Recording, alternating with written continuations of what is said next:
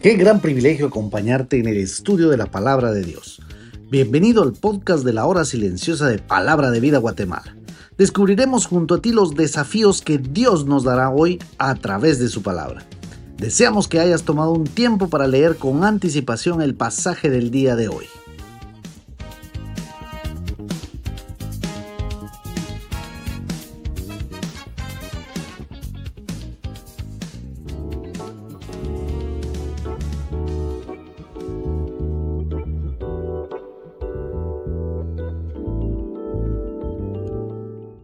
Muy buenos días tengan todos ustedes.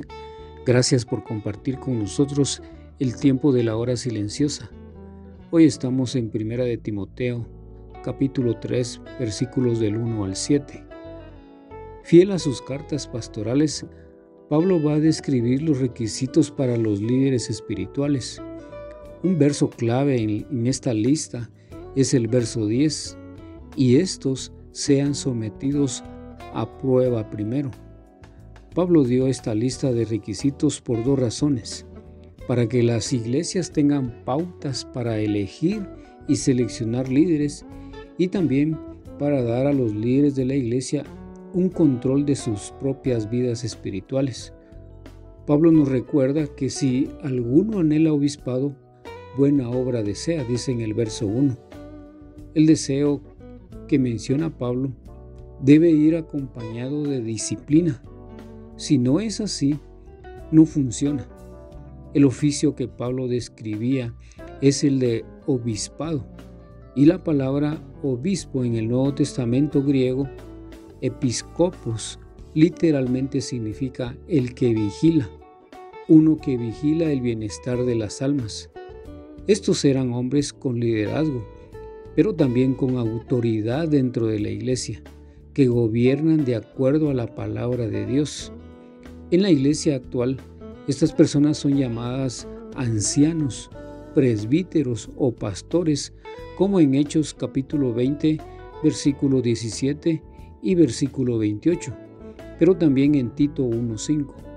Aunque cada uno de estos términos pueden describir una faceta diferente del liderazgo, parece que se usan de maneras distintas en el Nuevo Testamento para designar a la misma función.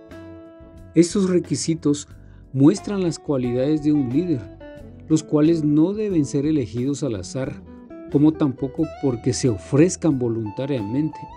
En los versículos de 2 a 7, Pablo enumera 15 requisitos para ser líderes obispos de las iglesias. Irreprensible, es decir, deben tener una conducta irreprochable, significa que no hay nada en la conducta de la persona que alguien podría usar como base para lanzarle una acusación o una denuncia. Marido de una sola mujer, literalmente hombre de una mujer.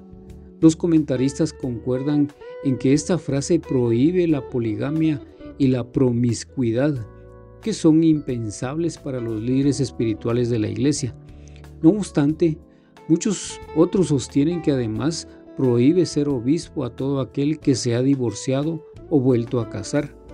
La lógica detrás de este argumento es que normalmente el divorcio representa una grave falla en el hogar, por lo que a pesar de que un hombre puede ser perdonado de todo pecado relacionado con la separación, queda permanentemente descalificado para formar parte del liderazgo de la congregación.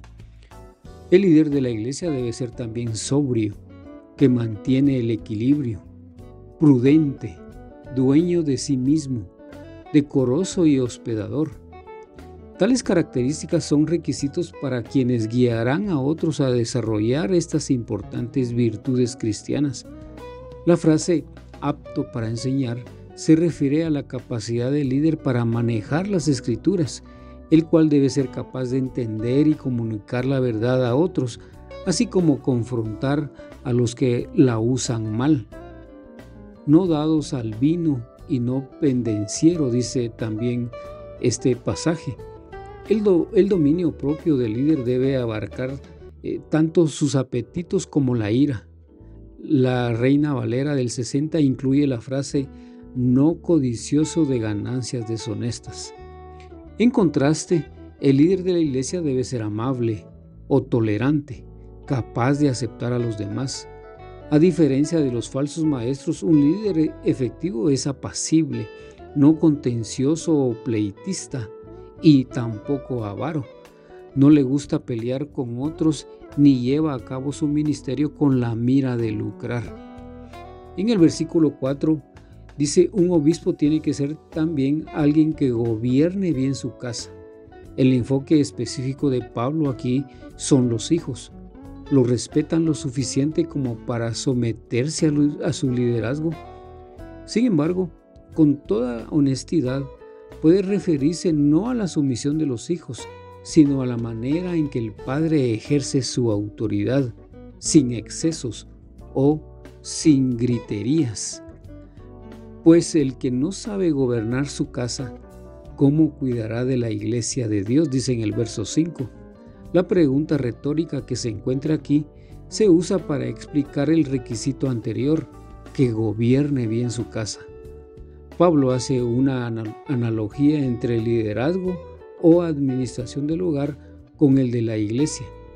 Muchos de los requisitos y habilidades son necesarios para ambas funciones, en el liderazgo en la casa y el liderazgo en la iglesia. El éxito en la familia puede suponer también el éxito en la iglesia, así como el fracaso en el hogar es una mala señal acerca de la capacidad del hombre para dirigir la congregación. El obispo no debe ser neófito, dice el verso 6, no sea que su rápido avance al liderazgo lo llene de orgullo y también de vanidad, y esto lo lleve a experimentar la misma condenación que el diablo incurrió por su orgullo. También es necesario que el obispo tenga buen testimonio de los de afuera. La idea de Pablo aquí parece ser que los líderes de la iglesia como representantes de la congregación son objeto de constantes ataques de las trampas del diablo. Para Satanás no hay nada mejor que acusar el descrédito del pueblo y la obra de Dios, haciendo caer en pecado a los líderes de la iglesia ante la mirada de todo el mundo. Por lo tanto, es importante que los obispos alcancen y mantengan una buena reputación ante los incrédulos. Estas características deben ser evidentes para todos. Incluso los no creyentes las pueden ver. El líder potencial debe ser un buen cristiano fuera de las paredes de la iglesia. Por eso, vívelo. Las cualidades que Pablo describe en el pasaje del día de hoy deben adornar la vida de todo líder en la iglesia. Estas cualidades de un buen líder son necesarias para estar al frente de la iglesia son necesarias para presentarnos ante un mundo hostil. Son necesarias para el buen testimonio de los de afuera y no caer en el descrédito. Soy un buen ejemplo tanto con los de adentro como los de afuera. Mi nombre es Carlos Bog y esperamos como siempre que la palabra de Dios cumpla sus propósitos en tu vida. Bendiciones.